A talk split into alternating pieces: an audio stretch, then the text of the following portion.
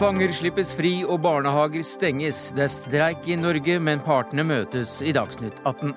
Full forvirring om den andre sakkyndige rapporten er godkjent eller ikke. Retten ber kommisjonen om et tydelig svar. Svært oppsiktsvekkende, mener Harald Stanghelle. Anniken Huitfeldt forutsetter at teatrene markerer grunnlovsjubileet i 2014. Ligg unna det kunstneriske programmet vårt, sier Tom Remlov. Og hvor går Nato nå etter toppmøtet i Chicago? Mindre CIA og mer droner, tror Geir Lundestad.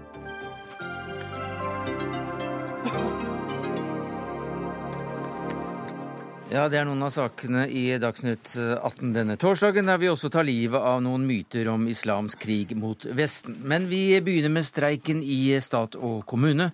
For i dag har fanger sluppet fri, og eksamener er blitt avlyst. I natt brøt meklingen sammen for rundt 600 000 ansatte. Det er altså LO, YS og Unio som streiker, mens akademikerne mekler videre. Forskjellen mellom krav og tilbud er på 0,28% dvs. Si rundt regnet 1000 kroner per arbeidstaker i året, og forhandlingsleder i Unio, eh, Arne Johannessen. Er det nok til å slippe fangerne loss og la tollerne slippe syndere igjennom til kongeriket? Ja, Det er jo beklagelig at vi ender i en streik. Eh, og eh, For oss er det en totalvurdering. Det er alltid sånn når du går i en konflikt. Og heldigvis så har vi ikke mye streikeerfaring i staten.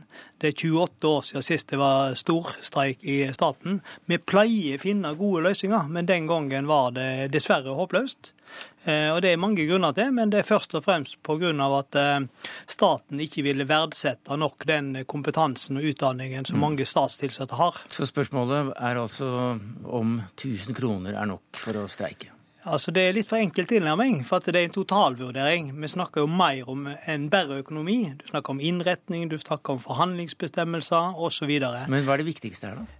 Det aller viktigste når det kommer til slutt, det er økonomi. Det er ingen tvil om. 1000 kroner eh, fra eller til? Ja, men det er ikke bare en sånn tilnærming. Og eh, når du snakker om 1000 kroner, så veit ikke du eller noen andre av de kommentarene i dag eh, hva som var den reelle avstanden. Vi hadde jobbet oss nærmere i løpet av natta, det er helt rett. Men dette dreier seg om altså vi kan ikke år etter år ha en situasjon der offentlig sektor taper i forhold til frontfaget. Det går ikke. Statsråden, arbeidsgiver, har et ansvar for rekruttering til viktige velferdsyrker i eh, staten. Hva sier du til det, Rigmor Aasrud? Det er deg han peker på som statsråd i Fornying- og administrasjonsdepartementet. Ja, jeg er også overraska over at det blei streik. For jeg mener at regjeringa eh, hadde en eh, sunn tilnærming til lønnsoppgjøret. Og vi har jo lagt vekt på at vi må ha et ansvarlig oppgjør, for det er eh, krevende tider både i Norge og i Europa. Og når vi prater om rammer rundt 4% så mener vi det er gode, eh, gode rammer. Men, men frontfagene har jo fått mer? Ja, Det er jeg ikke enig med deg i. Mm -hmm. For det er jo sånn at frontfaget har forhandla fram de sent tilleggene. Mm. De er på 2,15. Jo, de men ikke... det kommer jo en del etterpå. Jo, ja, men ja. det vet vi ikke hva er. Nei, Men vi eh, antar at det er mer, gjør ikke du også det? Jo, jeg antar at det er noe mer eller null. Ja. Eh, hvis du også på... mer enn 4% kanskje? Hvis vi ser på hvordan det var for to år siden, eh, så tillegg, var tilleggene der på 1,6 mm. og da er vi på 3,75 hvis det blir sånn som for to år siden. Men vi har en god eh, tradisjon i Norge for å snakke oss i lag i eh, talldiskusjonen. Vi har eh, teknisk beregningsutvalg som som lager gode analyser. Så normalt er vi ikke uenige om eh, historiske tall. Og da er det jo sånn at vi ser at eh, i forhold til i fjor, så har vi et etterslep i staten på 0,6 Og alle vet at det blir mer lokalt også i år. Vi ber ikke om å få det på forskudd, men vi ber om at det blir tatt hensyn til etterslep som var i fjor. Men det som jeg eh, virkelig forventer, det er at eh, staten som arbeidsgiver signaliserer at de mener noe med rekruttering av kompetent arbeidskraft i framtida. Det er mange tusen arbeidstakere som skal rekrutteres til staten de nærmeste åra. Og vi ser på flere områder at vi taper i kampen mot privat sektor. Du ser det ikke minst innenfor mm. universitet og høgskole, professorer osv., som går til private i stedet for offentlig sektor. Bekymrer det deg? Ja, Det er viktig å få en god innretning på lønnsoppgjøret. Og det er noen ting som har vært veldig viktig for oss. Det er bl.a. at vi fortsatt vil ha fokus på eh, kvinnelønn.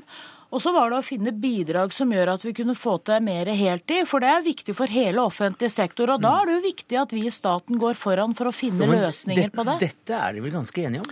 Ja, dette er jeg helt sikker på vi hadde funnet løsning på. Vi var snublende nær å finne løsning på en del sånne Kan ting. dere ikke snuble litt videre her og nå, så, så er det greit? Ja, altså Vi kan snuble videre hele kvelden, og det, det bør være rom og mulighet til å finne løsning. Når vi har klart det i 28 år i staten på rad, så bør vi også klare det i 2012.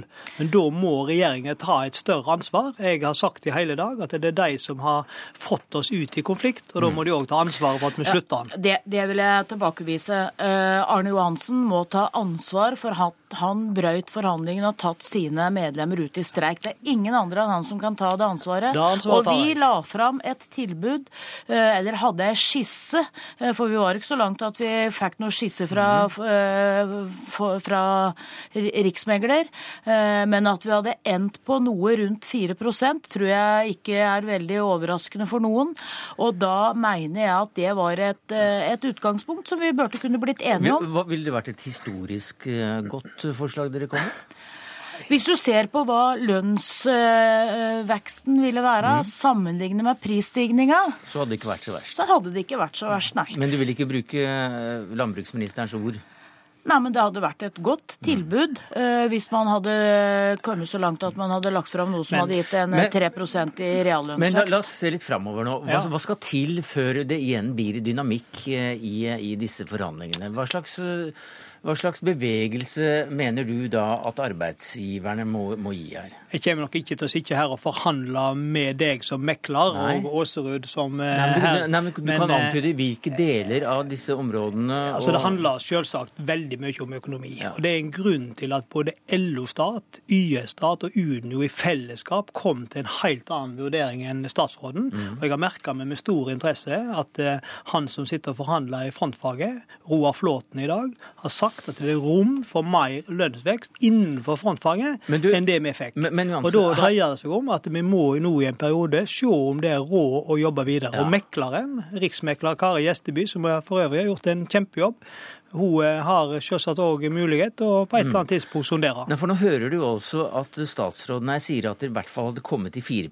okay, så kan Det var vi ikke. Så, nei, men Hun sier at dere i hvert fall hadde kommet dit hvis dere hadde fortsatt. Da kan du legge det som en planke og gå videre. Og, og Det dermed så er dere vel i dialog allerede? Det jeg har sagt er at et, eh, altså Det var jo ingenting som tydet på at det ikke kom til å ende rundt eh, 4 Nei, Og så er nettopp. vi jo i dialog, og var i dialog, om eh, innretningen på oppgjøret. Det er viktig. For å si det slik, statsråd, at hvis vi ender på 4% så er det fortsatt minus i forhold til eh, konkurranseutsatt industri. Og er da denne frontfagmodellen, altså at dere skal Mm. følge eh, rett i hæla på, på utsatt, eh, konkurranseutsatt industri, er den, er den malen nå blitt litt frynsete som, som brukbar? Nei, det mener jeg ikke. Men eh, jeg mener man tar feil hvis man mener at det er to streker under svar på hva frontfag er, så lenge man ikke har gjennomført de lokale forhandlingene. Men er dere ikke enige om disse frontfagmodellene? Nei, Altså, Det er helt avhengig av hvordan du beregner de lokale tilleggene. Og hvis du ser på hvordan oppgjøret i 2010 var, eh, det er det siste hovedoppgjøret vi har gjennomført ja. så ville vi eh, ha endt på rundt 3,75 i, i, i frontfag. Men, men men, Jon Hansen, vi må dessverre avslutte nå, for at vi skal få inn kommunen. Du representerer statsansatte. Eh, Men eh, når du nå går ut eh, med, med statsråden, kommer dere til å snakke litt på vei ut korridorene her? vi har, har jo, vi har vært sammen i hele dag Ja. i forskjellige medier, så vi har snakket sammen. Og, Ja. Og det er jo det som er bra med det norske systemet, at selv om vi nå er i en krevende situasjon, en situasjon som ingen av oss eh, etter min mening burde vært i, så, så har vi allikevel gode toner, og vi kan snakke sammen på en veldig sivilisert måte, og det er jo det som er bra med det norske det er systemet. bra, og jeg har til og med fått lov å kjøre statsrådbil i lag med så det er jo et godt tegn på at det er råd å snakke i lag. Det er bra. Arne Johansen, leder i Politiets Fellesforbund og også forhandlingsleder for Unio. Takk skal du ha. Takk til Rigmor Aasrud, statsråd i Fornying og administrasjonsdepartementet. Så var det da dette med kommunesektoren. For streiken blant eh, de kommuneansatte førte bl.a. til skoler og barnehager ble holdt stengt i dag, etter at 16 000 kommuneansatte ble tatt ut i streik. Og Sigrun eh, Vågeng, du er admdir du, i kommunenes arbeidsgiver-, interesse- og medlemsorganisasjon. Og vi kaller den KS for eh, Det gjør vi. Det gjør vi. Hva er grunnen til at dere ikke kunne møte kravet til de kommuneansatte i år? ganske enkelt fordi kravet var høyere enn det vi hadde penger til å innfri. Det er omtrent samme krav. Ja, det er omtrent samme krav. Men, det, 1000 kroner. Eh, men altså, utgangspunktet vårt er at vi har et mandat som vi går inn i forhandlingene med. Hva er mandatet, da? Ja, mandatet vårt ligger nok rundt en underkant av 4% tror jeg. Mm. Men uh, vil du som, uh, som statsråden her si at dere i hvert fall hadde kommet opp på fire hvis dere hadde fortsatt å forhandle? Det vet jeg ikke, fordi vi hadde ikke Det, det var ikke mulig å legge fram en, en, en skisse, et forslag til løsning fra mekleren på vårt område. Eh, hos oss var det litt annerledes. De tallene vi ga inn, det ga vi inn til mekleren, og det samme gjorde arbeidstakersiden. Eh, og på bakgrunn av det så sa mekleren at det var ikke mulig å legge fram en, en skisse til en løsning. Hva sier du til det, Jan Davidsen, du er leder i Fagforbundet? Jo, men altså Det er jo eh, riktig som, eh, som Vågen sier, at eh, vi fikk ikke fremlagt noe skisse. Men det har jo også litt men hva, var, hva, men hva var årsaken til det? Nei, altså Årsaken var selvfølgelig det at Eh, KS eh, de siste årene har lagt seg veldig opp nært opp i staten når det gjelder rammen og økonomien som kommer derifra. Og når ikke det var mulig også å få noen avklaring hvor den rammen havnet henne, så det er det også en viktig del som problematiserte for meglingsmannen i det å kunne legge frem en skisse.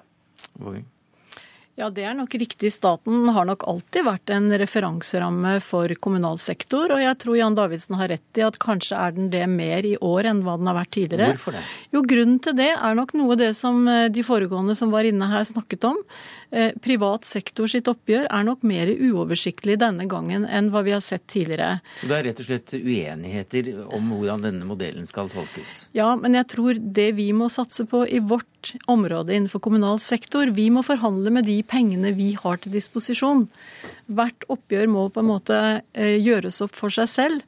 Og sånn som det utviklet seg utover natten, så så mekleren at det var ikke grunnlag for å kunne forene arbeidstaker- og arbeidsgiversiden. Det syns vi er veldig leit. Da er det altså slik at eh, staten eh, følger frontfagmodellen. Og er så er det uenighet om akkurat hvordan denne modellen skal tolkes, og så følger kommunene staten. Og dermed så, så sitter man altså med, med, både stat og kommune. Jeg holdt på å si Det er nesten mer komplisert enn som så. Ja, fordi kommunal, du tenkte det, ja. kommunal sektor har jo også i alle år lojalt fulgt opp under frontfagsmodellen. Mm. Men jeg tror vi også må innse at eh, når medlemmene, når kommunal sektor sier at har, det er dette vi har til disposisjon, så tror vi at da må vi finne en løsning innenfor det. Og jeg syns jo det er veldig leit, eh, som jeg sa, at ikke det ble en løsning. For jeg opplevde at vi hadde en veldig god tone både i forhandlingen og inn i meklingen. Ja, Er du enig i det, at det var en veldig god tone i forhandlingene? Ja, altså, det er veldig bra med god tone. Vi kommer jo fra møblerte hjem alle, men ja. problemet er at medlemmene våre forventer jo litt mer enn det. De forventer jo en løsning i tillegg. Så, så at uh, vi kan uh, omgås på en god måte, det er bra det, men, men det er ikke nok.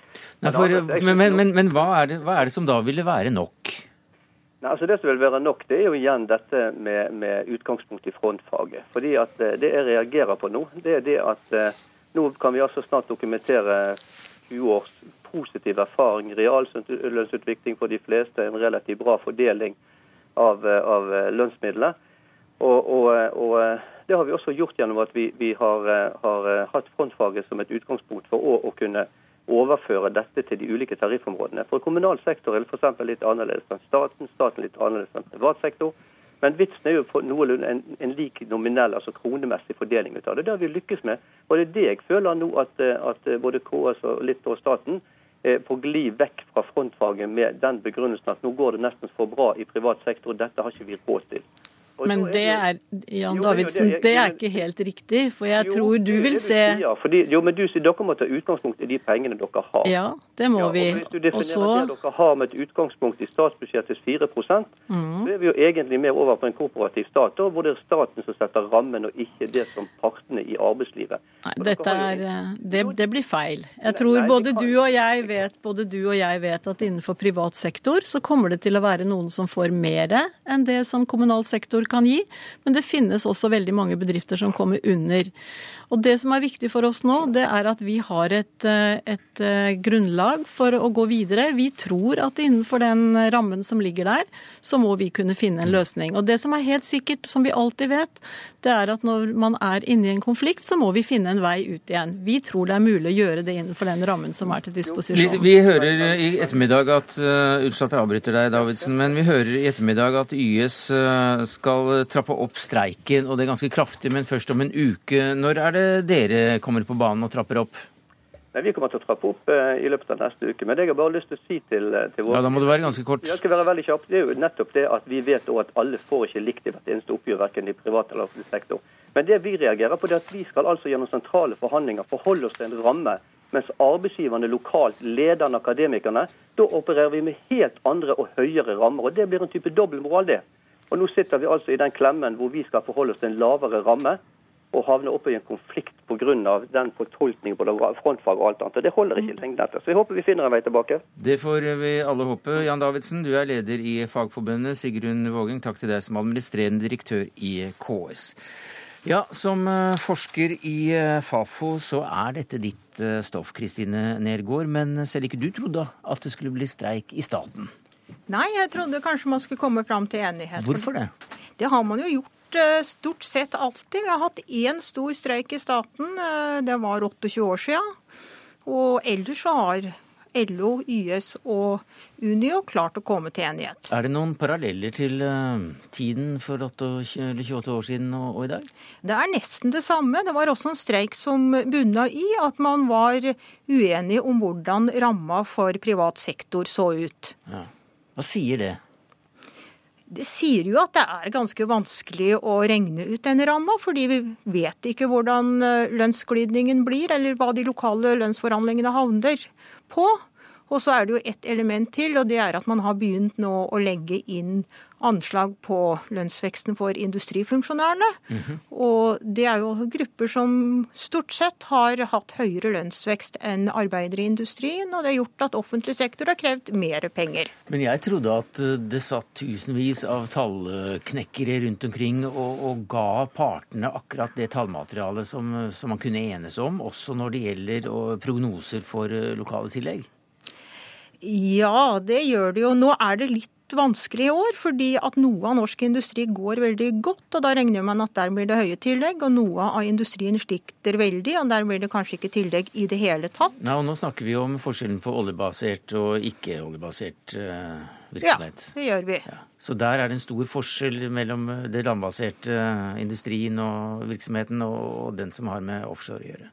Ja, og så ligger det vel også at man har lagt et litt strengt eh, nivå til grunn i Finansdepartementet i år. Altså Man justerte ned anslaget på lønnsveksten i revidert eh, nasjonalbudsjett. Hvorfor gjorde de det?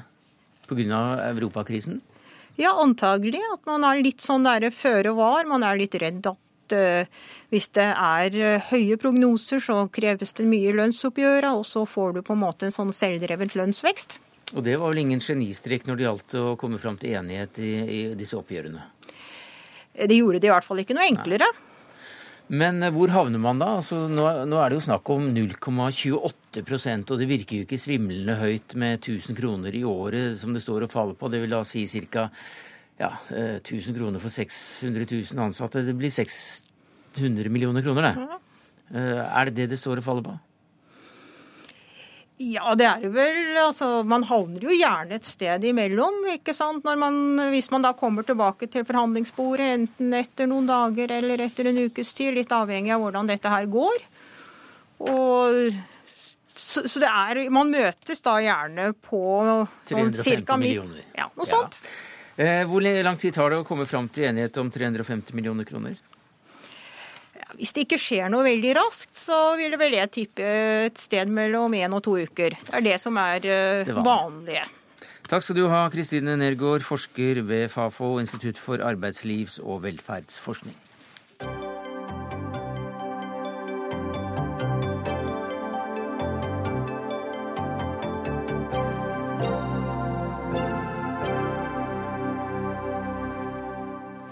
Fra pengepolitikk, så å si, til sikkerhetspolitikk, for det skal dreie seg om Nato. Toppmøtet i Chicago ble altså avsluttet for to dager siden der man bl.a. diskuterte viktige veivalg. Og der var du, forsvarsminister Espen Barth Eide. Hvilken retning var det dette møtet var med på å peke ut for forsvarsalliansen framover? Jeg syns dette ble et veldig bra toppmøte. Det ble substansielt, det ble gode diskusjoner og gode beslutninger.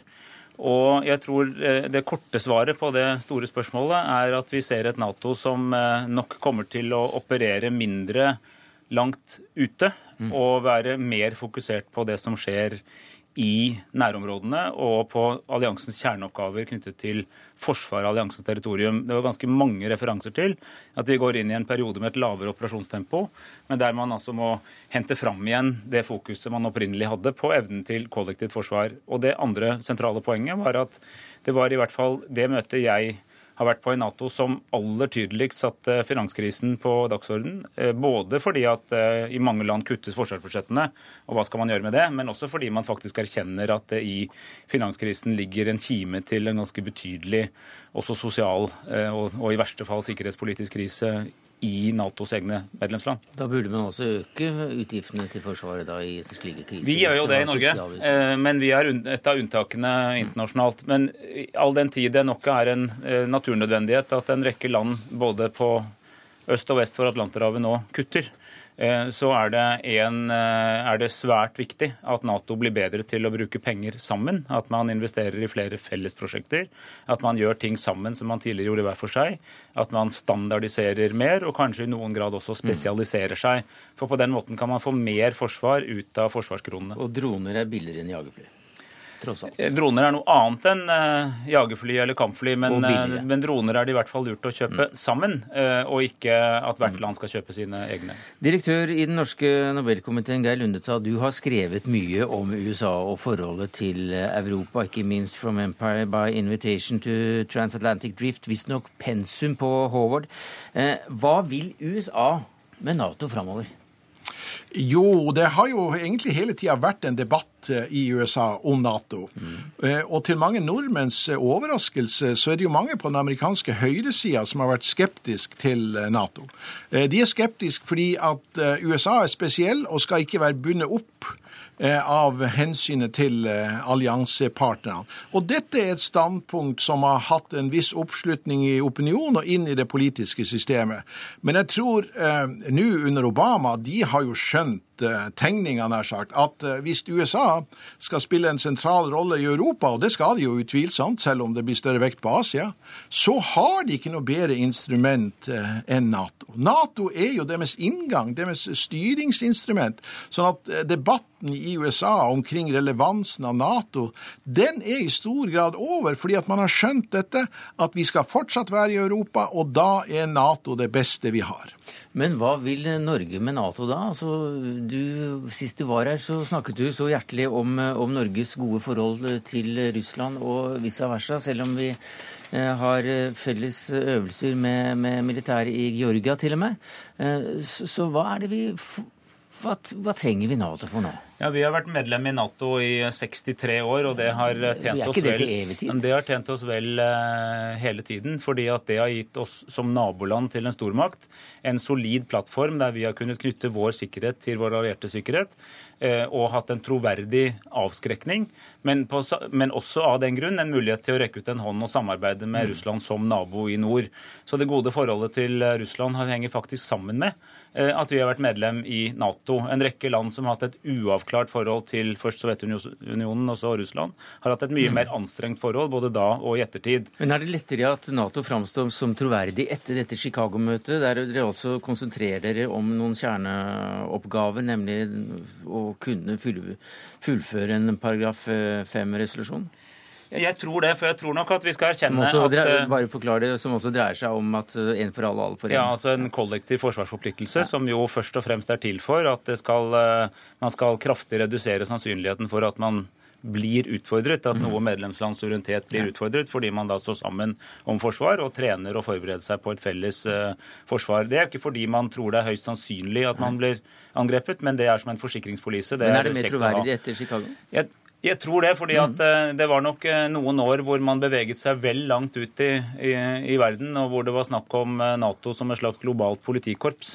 Det husker vi for en ti års tid siden. Det hører jeg veldig lite om nå. Riktignok ønsker vi alle sterke bånd til andre organisasjoner og til land eh, som partnere. Enten det er Sverige og Finland på den ene siden eller New Zealand og Australia på den andre mm. siden. Men denne ideen om et slags globalt Nato den oppfatter jeg som helt over. Nå er det altså et Nato som tar vare på sikkerheten i det nordatlantiske området bredt definert, og som mm. konsentrerer seg først og fremst om det. Og som selvfølgelig av og til også kan gjøre andre ting, men at det igjen er i kjernen av alliansens Hva tror du om det, du om det Peter Remi Hansen, du er utenriksjournalist i Klassekampen?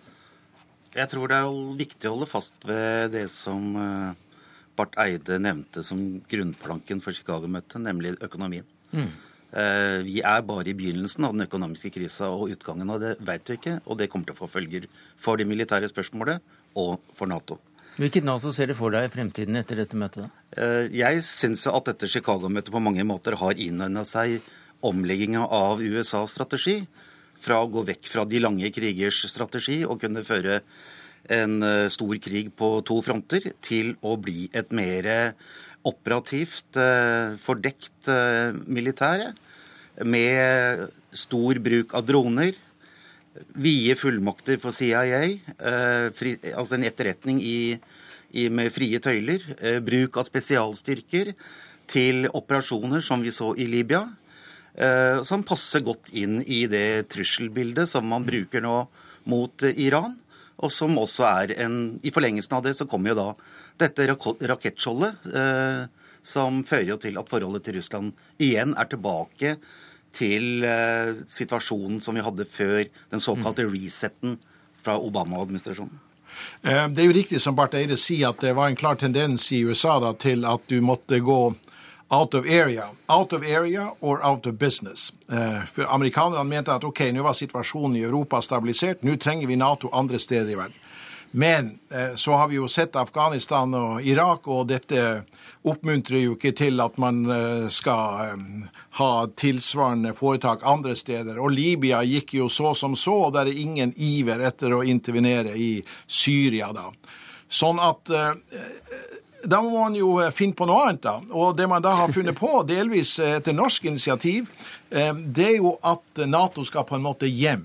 Eh, det høres jo flott ut, fordi at alle er lei av disse lange engasjementene da. Men det er jo ganske uklart hva dette egentlig betyr, at Nato skal hjem. Eh, vi får jo se da eh, hva forsvarsministeren og andre finner på når Nato skal hjem. Fordi at den realitet som vi alle er enige om ligger i bunnen, det er den manglende økonomi. Vel, Norge er jo på den grønne gren, da. Men det, økonomien er dårlig og blir verre. Mm.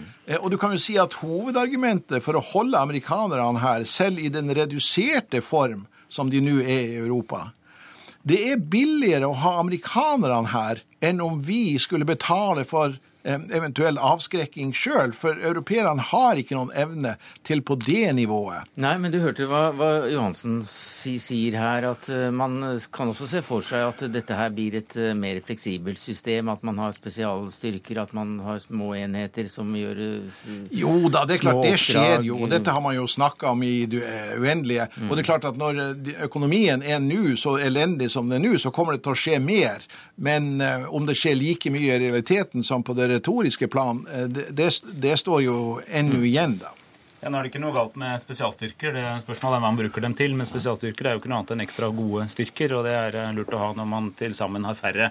Men, eh, men, det er jo helt riktig som Lundestad sier, at slagordet for en 20 års tid siden og fram til 5-10 år siden var eh, out of area or eh, out of business. Det nye slagordet nå har noen år vært in area or in trouble.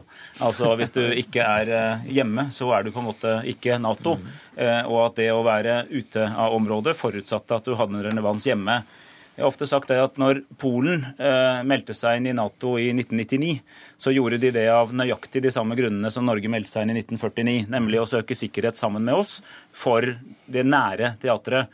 Eh, når jeg sier det i internasjonale sammenhenger, så kommer eh, samtlige polakker løpende fram og sier det er helt riktig. Sånn er det. Og vi meldte oss inn av de grunnene. Så ble vi sendt til en ørken langt borte. Men vi vil se at Nato er relevant hos oss.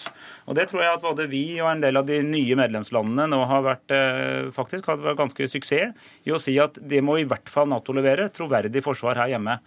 Og, og, da skal vi tilbake til den tanken at man har ikke et forsvar først og fremst for å bruke det egentlig har et eh, fredelig land eh, bør ha et forsvar først og fremst for ikke å bruke det, mm. nemlig for å ha det i beredskap. for å avskrekke også... mot andre. Og den funksjonen at du da i tillegg skal ut og bruke det, det er da altså noe som kommer på toppen. Mm. Men, men, men, det på toppen er det du er spesielt opptatt av, eh, Johansen. Og, og når du da sier Eh, at eh, Nato fremdeles kommer til å være der ute og, og gjøre operasjoner bare i mindre målestokk, eh, men kanskje mer effektivt. Er det gode nyheter for, for verden at, at, Nato tross alt prøver å, å, konsentrere seg om kjerneoppgavene, nemlig også avskrekke og alle, en for alle, alle for en? Nei, jeg ser dette som en, en dobbeltstrategi. Jeg tror at det hele bildet med å si at eh, Nato er på vei, på vei å trekke inn klørne, er feil. Eh, de bare reorganiserer det. Eh, det er jo ingen tvil om at Moskva ser på rakettskjoldet som en ekspansiv ting, og at Kina vurderer akkurat det samme i Asia. USAs strategi er å legge større vekt på Asia, samtidig som man har Midtøsten.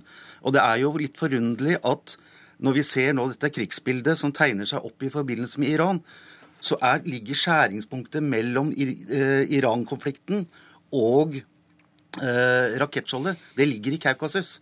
Og der er det stor uro for hvordan de skal posisjonere seg i, eh, i forhold til et eventuelt angrep på Iran.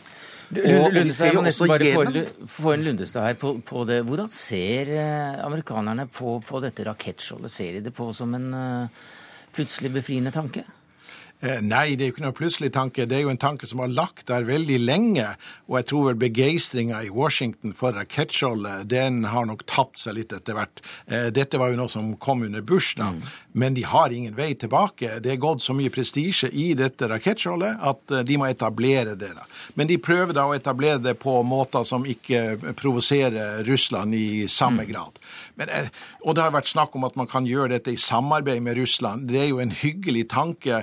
Eh, men at man liksom operasjonelt skulle få dette til, er jo veldig lite sannsynlig. Barth Eide, den norske regjeringen har tvilt seg fram til å være med skritt for skritt i, eh, i dette samarbeidet. Men nå står dere ved dette fullt og helt? Absolutt. Vi, eh, vi sluttet oss i Lisboa toppmøte, altså forrige toppmøte for to år siden, til det missilskjoldet som da ble foreslått, og som var et annet enn det vi hadde under Bush-administrasjonen, og som har en gradvis oppbygging, en annen vekt på dialog med utenforstående land, sånn som Russland, og som da bygges på si, et litt mer realistisk grunnlag enn det, det, gamle gjorde. Og Det mener jeg er en helt logisk konsekvens av vårt mm. fokus på artikkel 5. Og det er i Norges interesse? Ja, fordi med dagens missilteknologi, som har spredt seg til mange flere land enn det mm. som var tidligere, så kan ikke den gamle avskrekningen, nemlig at hvis du bomber oss, så bomber vi deg sønder og sammen, vil ikke virke i alle sammenhenger. Men selv med den og du må også ha en evne til å forsvare forsvare deg mot innkommende missiler. Mm, men selv med den uroen uroen det kan føre til i forholdet mellom eh, Russland og, og Vesten? Ja, der er altså Norges syn, som vi deler med mange, det er at vi skal ha en god dialog med Russland. Men vi kommer ikke til å gi Russland noen vetorett over Natos beslutninger. Og dette er altså et forsvarssystem som utelukkende blir aktivert hvis man blir angrepet. Og det skyter altså ikke på andre land, men det skyter ned innkommende raketter. Og det vil jeg bare erklære at det syns jeg er et godt formål. Og den erklæringen var det siste du fikk sagt, Espen Barth Eide, for du må faktisk løpe videre til et annet møte. Geir Lundestad, takk også til deg som direktør ved Nobelinstituttet, professor og USA-ekspert. Peter M. Johansen, utenriksjournalist i Klassekampen.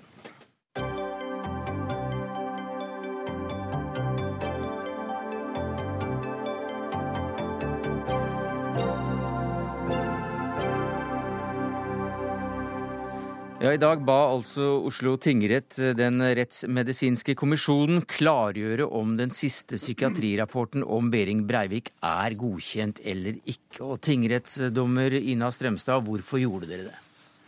Eh, det Den rettsmedisinske kommisjonen skal eh, svare på, det er om det er vesentlige mangler ved denne erklæringen eller ikke. Og det har de ikke gitt et eksplisitt eh, svar på. De har sagt tar den til etterretning. Og det har skapt, sammen med uttalelser i media, en usikkerhet hos retten om hva de egentlig mener. Hvilke uttalelser er det du sikter til? Eh, ja, Melle har jo bl.a. Eh, vært ute og sagt, ja, eh, og sagt noe om hva de legger i, til etterretning. Og det har skapt altså en usikkerhet hos retten om hva de egentlig mener. Og I går gikk forsvareren til, til massedrapsmannen ut og, og mente at tingretten burde be om en slik avklaring. Ja, Det er jo retten som da eh, har ment at, eh, at, eh, kommisjonen ikke har svart i henhold til loven. De skal altså bruke formuleringen om de finner vesentlige mangler eller ikke. Og når de ikke har brukt den formuleringen, så har det skapt en usikkerhet. Harald Stanghelle, politisk redaktør for Aftenposten. Svært oppsiktsvekkende var din kommentar tidligere i dag. Hva er det som er så oppsiktsvekkende med dette brevet? Nei, Det er veldig oppsiktsvekkende fordi at det retten i klartekst sier, det er to ting. Det ene er at dere, sier de til kommisjonen, har forvirra oss, nå må dere slutte å tøve. Det andre de sier, er at dere har ikke opptrådt i henhold til det lovmandatet som kommisjonen har, og, og retten, altså tingretten, eh, de påpeker to punkter der kommisjonen egentlig ikke har gjort jobben sin. Og Det syns jeg er oppsiktsvekkende at en kommisjon eh, som har sittet i mange år, en kommisjon som eh, burde kjenne dette, og ikke minst en kommisjon som har en helt sentral oppgave i den viktigste straffesaka i Norge siden Landsvik-oppgjøret, rett og slett må fortelles av retten hvordan de skal gjøre jobben mm. sin. Ja, har dette skjedd uh, før, som, uh, som, du vet om, at retten har måttet be kommisjonen klargjøre om den godkjenner eller ikke godkjenner uh, en, en sakkyndig rapport? Nå har ikke jeg gått inn i, eh, i, mange rapporter, men eh, de jeg er kjent med, så har de ikke brukt mm. en sånn formulering. Eh, det står ikke i det brevet dere sendte akkurat ordet 'nå må dere slutte å tøve'. Men, men kan du si noe om, om hvordan tingretten ser på kommisjonens håndtering av sitt eget mandat? Eh, altså jeg konstaterer at kommisjonen ikke har brukt den lovformuleringen som de skal. Eh, de har, Hvilken da? Og Det er om det er vesentlige mangler ved denne erklæringen. Eh, det er det de skal svare på. Mm. Og så skal de også gi uttrykk for uenighet dersom det har vært uenighet i, i kommisjonen. Og Når de da ikke har brukt den formuleringen, så skaper det altså en usikkerhet på om de har besvart sitt mandat på riktig måte. Altså, eh, Tingrettsdommer eh, Arne Lyng, som har ført dette brevet i pennen, er eh, faktisk mer direkte og mer brutal enn det Ina Strømstad er nå, fordi at han sier direkte i dette brevet at de skal svare skriftlig, de skal begrunne skriftlig, og han henviser også til det står kommisjonsutspill i media. Og de, de, de utspillene det siktes til, det er kommisjonslederen og nestlederen i psykiatrisk gruppe, som sa at den, eh, de ikke godkjente den andre psykiatrirapporten. De underkjente den heller ikke, men slik så undergrov de tilliten og autoriteten til den andre rapporten. Dette finner rett og slett ikke dommerne i 22. juli-saka seg i, og derfor så sier de rett ut at dere har ikke gjort jobben deres, kom igjen og kom opp med noe bedre. Og det er det du mener med at ikke de har fulgt mandatet? Ja, det er det jeg mener de har fulgt man, eh, ikke fulgt mandatet. Det andre de påpeker, er at de har henvist, altså kommisjonen har henvist til eh, det som muntlig skal sies i åpen rett fra de to siste sakkyndige, men kommisjonen peker på at Nei, unnskyld, retten peker på at kommisjonens mandat opphører når rettssaka er ferdig. Der, der er rapporten mm. kommisjonen skal ta stilling til, og eventuelle tilleggsrapporter. Det er ikke det som måtte komme fram i, i åpen rett, og det har kommisjonen med disse finurlige øvelsene sine henvist til. Det godtar rett og slett ikke retten. Mm. Kommisjonen var invitert til å komme hit, men fant eh, ikke anledning til å gjøre det. Men er du, det enig, er du enig i Stangeles uh, tolkning av dette brevet? Eh, det er riktig det at Den rettsmedisinske kommisjonens oppgave opphører i det de har gitt sin erklæring. De skal ikke vurdere de retts, rettsmedisinsk sakkyndiges vurderinger i retten. Nei, men har de gjort det? Har den gjort det? Eh, de har her eh, bedt om et tillegg under hovedforhandlingen. Mm. Mens deres oppgave for så vidt formelt sett i hvert fall opphører i det de har gitt sitt stempel på de skriftlige erklæringene. Hvorfor er dette så viktig for tingretten? Eh, det er jo en, en, løs tråd, en eh, usikkerhet, eh, som det er viktig å få nøstet opp i før, eller så tidlig som mulig, og i god tid før rett heves og dom skal skrives. Men er ikke dette ganske formalistisk, hvis det hadde tjent det gode hensikts, nemlig å få enda større visshet om tilregnelighet eller ikke? Det er viktig at eh, retten er sikker på at eh, kommisjonen har fylt sitt mandat. Eh, at de konkluderer på det de skal konkludere med, slik at den løse tråden blir nøstet opp og man får den usikkerheten av veien. Nei, dette er ikke formalisme, fordi at det som kommisjonen har gjort, er jo å spre ei allmenn forvirring. Ikke bare hos oss lekfolk, men hos eh, jurister, hos psykiatere. Det som retten gjør, det er rett og slett å be om klarhet og si at nå vil vi ha slutt på forvirringa. Nå vil vi vite hva dere egentlig mener. Og på den måten så tvinger de kommisjonen til å ta stilling til den mm. andre rapporten. Så når er det de eh, må komme med denne skriftlige erklæringen? Ja, Nå har de fått en frist eh, på seg til å svare uttrykkelig på det mandatet de har eh, fått, slik at man da får ryddet den usikkerheten av. Hvilken frist? Eh, 1. juni. 1. juni er vel eh, mm. riktig, ja. Så langt denne feiden mellom tingretten og, og kommisjonen. For det, det, ble en annerledes dag i rettssal 250, Stanghelle. Den tiltalte fortalte nemlig for første gang om egne reaksjoner på vitnemålene, og sa at han føler seg nesten mentalt skadet av å høre disse. Hvordan reagerte salen på det? Ja, Nå skal det sies at de fleste dager i denne straffesaka er annerledes. Det er alltid et eller annet som en ikke kunne vente seg på forhånd. Eh, jeg tror at eh, mange syns det var underlig det Berim Breivik sa i dag. Det ene er jo at han ville gjerne tilbakevise dette at han var kjenslig kald og sa at han eh, som sagt følte seg mentalt skada nesten av å høre på de fortellingene fra Utøya. Sterke, gode, modige eh, fortellinger fra, fra AUF-erne som opplevde dette. Det var underlig å høre Behring Breivik fortelle at han ble berørt, men at han greide å løgne hvordan han ble berørt det var noe absurd over det hele. Samtidig, eh, og det tror jeg er viktig, som vi må ha i bakhodet at Behring Breivik kjempa en intens kamp mot å bli plassert, som han sjøl sier det, på galehuset. Mm. Og sånn ønsker han å normalisere seg sjøl. Ja, ganske kort eh, om akkurat det poenget, for eh, Breivik selv sa at han ikke vil anke dersom han blir dømt tilregnelig. Ja, Han prøvde å kjøpslå og gjøre en handel mm. med dommerne. Mm. Det tror jeg er helt fånyttes. Ja, er det det?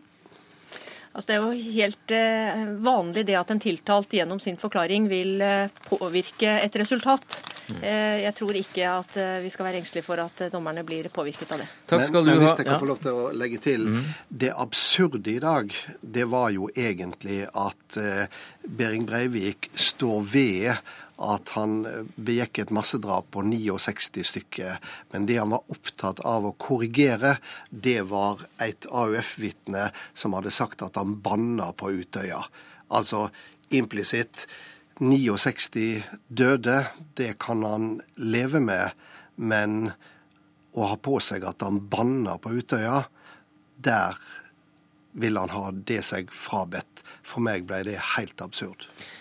Takk skal du ha, Harald Stanghelle, politisk redaktør i Aftenposten, og til deg, Ina Strømstad, tingrettsdommer i Oslo tingrett.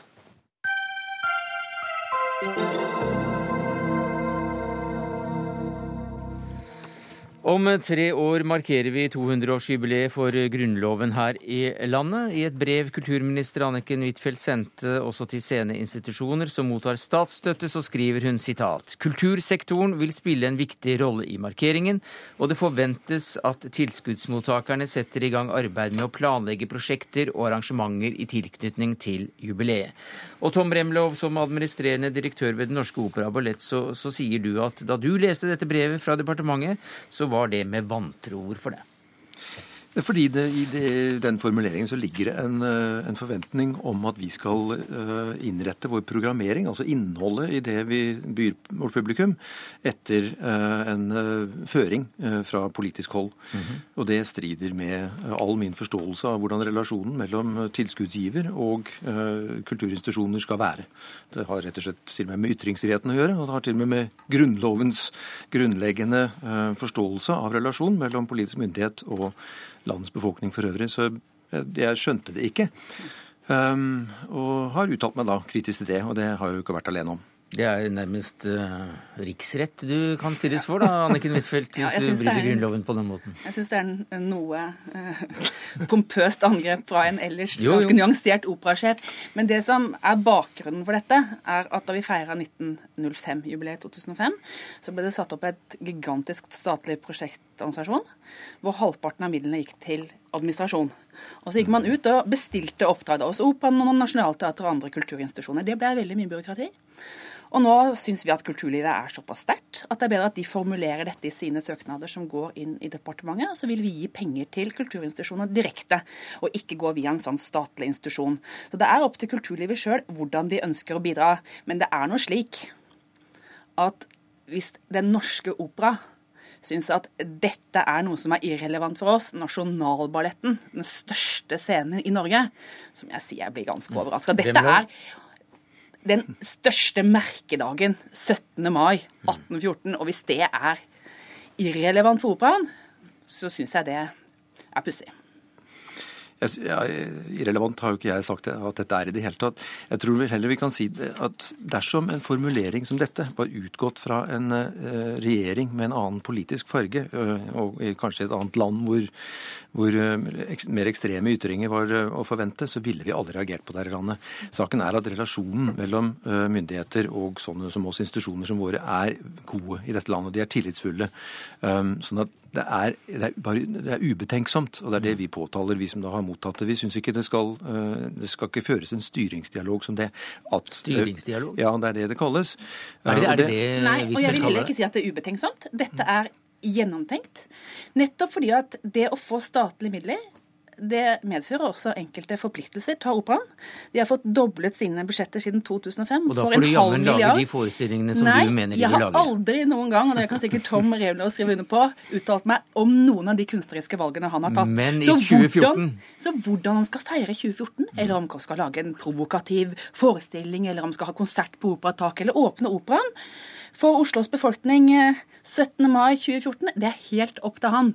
Men jeg mener altså det at når man forvalter så mye midler på vegne av fellesskapet, så syns jeg det er helt naturlig at operaen ser på dette med litt større villvelje enn det Tom Remner nå har Men du ser at du samtidig da blander deg litt borti repertoarvalg eller gir noen føringer? Det er, Ingen det, det repertoarvalg, men det er klart at enkelte ganger så ønsker jeg å gå inn og styre operaen. Et eksempel på det var at operaen overtok ansvaret for Riksoperaen, og allikevel så ble turnévirksomheten halvert. Da sa jeg nei, men dette går ikke an. Dere forvalter midler på vegne av fellesskapet. Det er ikke sånn at en eh, kulturleder kan si at ja, men jeg gjør akkurat hva jeg vil. Det er noen rammer.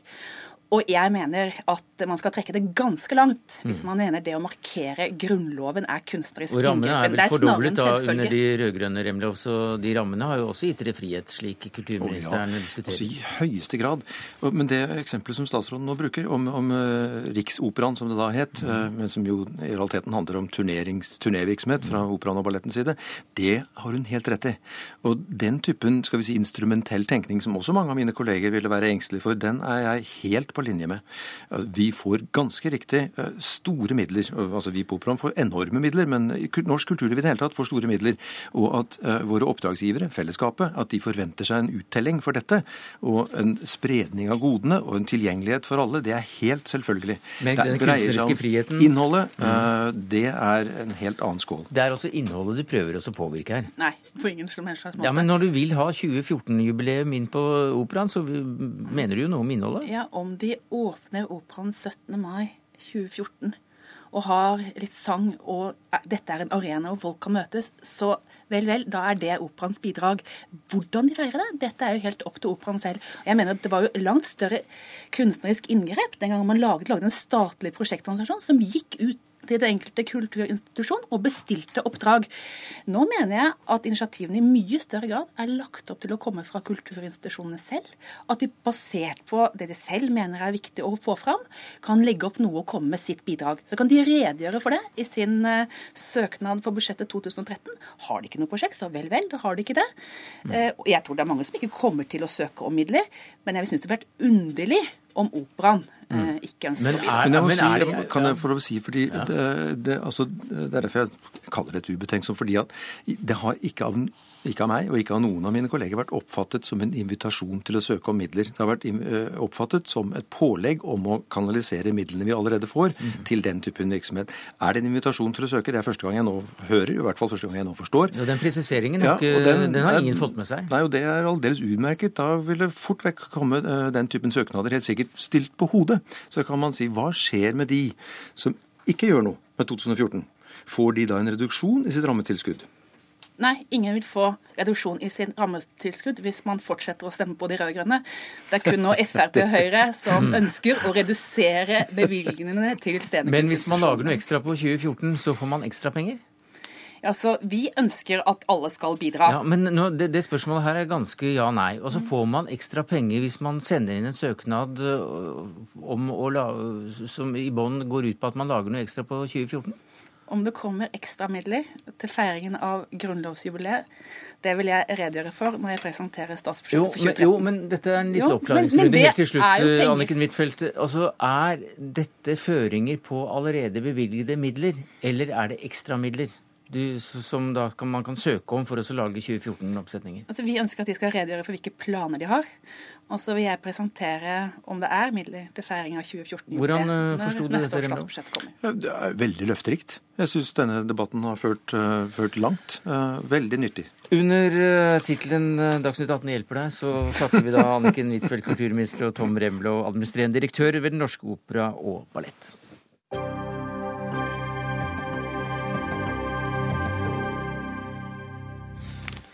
Når uh, vi inntar motgift i form av 429 eh, nyskrevne sider, redaktør Sigve Indregard, så er det fordi forlagene Flamme og Manifest vel ser det som nødvendig.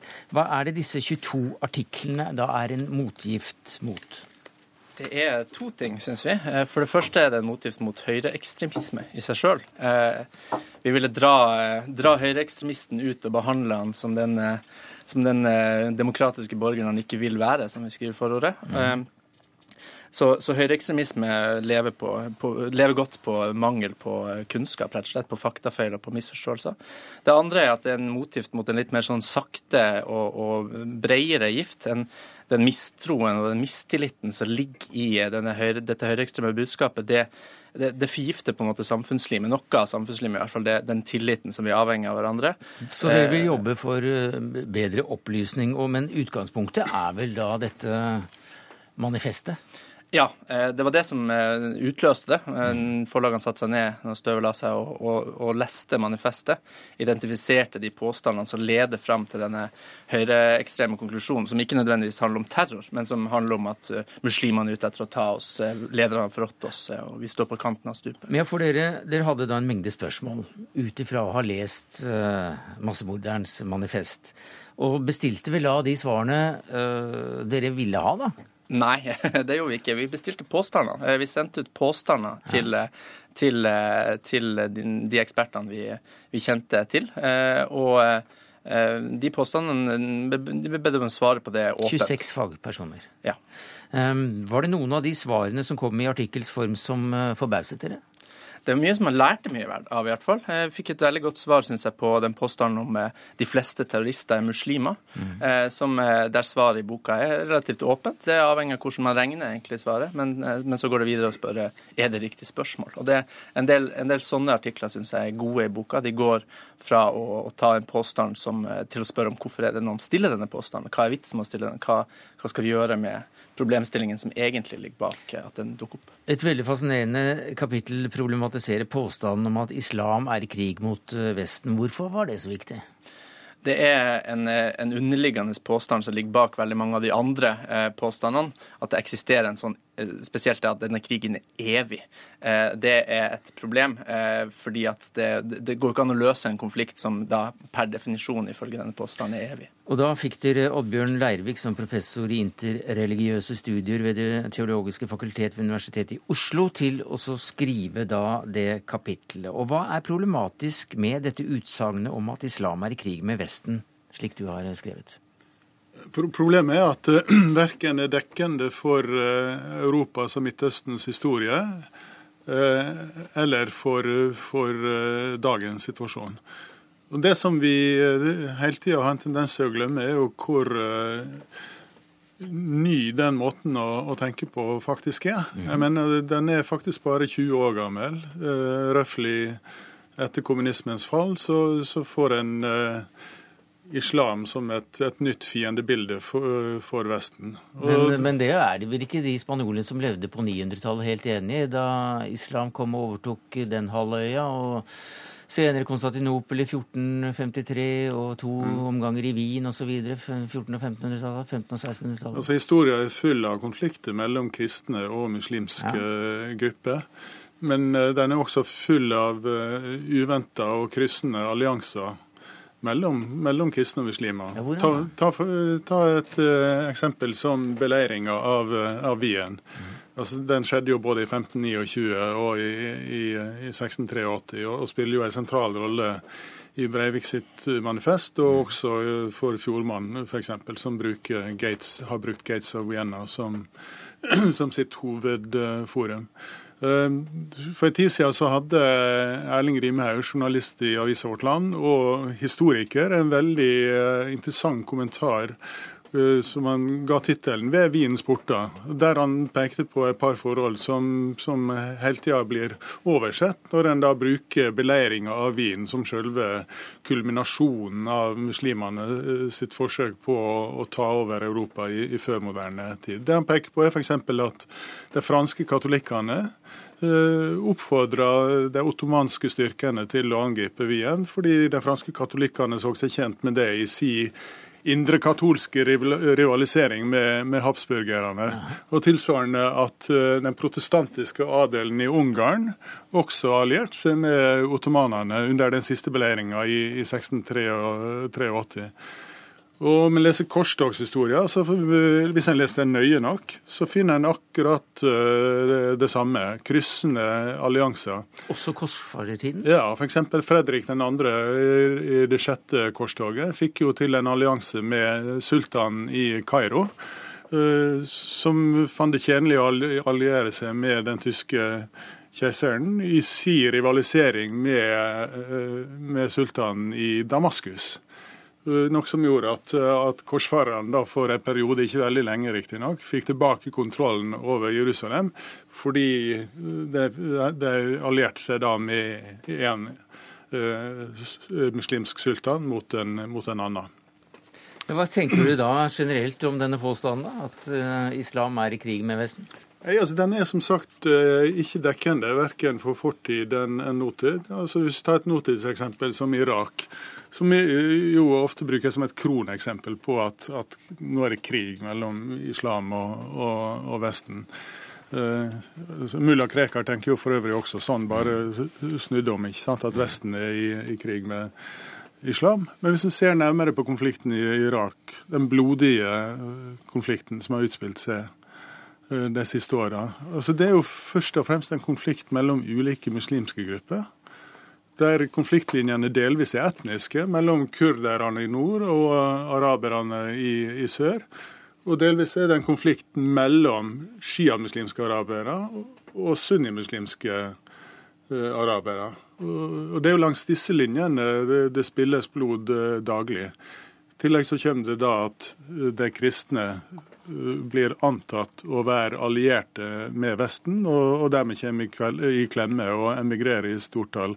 Så i Irak så er det jo da kanskje først og fremst de kristne som blir offer for denne forestillinga mm. om at eh, islam er i krig med Vesten, eller at Vesten er i krig med, med islam. Det er også da bare ett av 22 kapitler i boka med temaer som, og myter som, som dissekeres. Vi, vi hjernevaskes av politisk korrekthet, muslimer holder på middelalderske skikker, islam er krig med Vesten, etc., etc. De fleste terrorister er muslimer. Islam er en kvinneundertrykkende religion, osv., osv. Boka heter altså da eh, 'Motgift', og det er da et forståelig nok, en forståelig nok tittel som dere har satt satt på den, Sigve Indregard. Du redegjorde for hvorfor som redaktør for eh, boka. Oddbjørn Leirvik, takk skal du ha som professor i interreligiøse studier ved Det teologiske fakultet ved Universitetet i Oslo. Det var det vi rakk i Dagsnytt 18 denne torsdagen, takket være ansvarlig for det hele Karoline Rugeldal. Det tekniske ansvaret hadde Erik Sandbråten. Jeg heter Sverre Tom Radøy.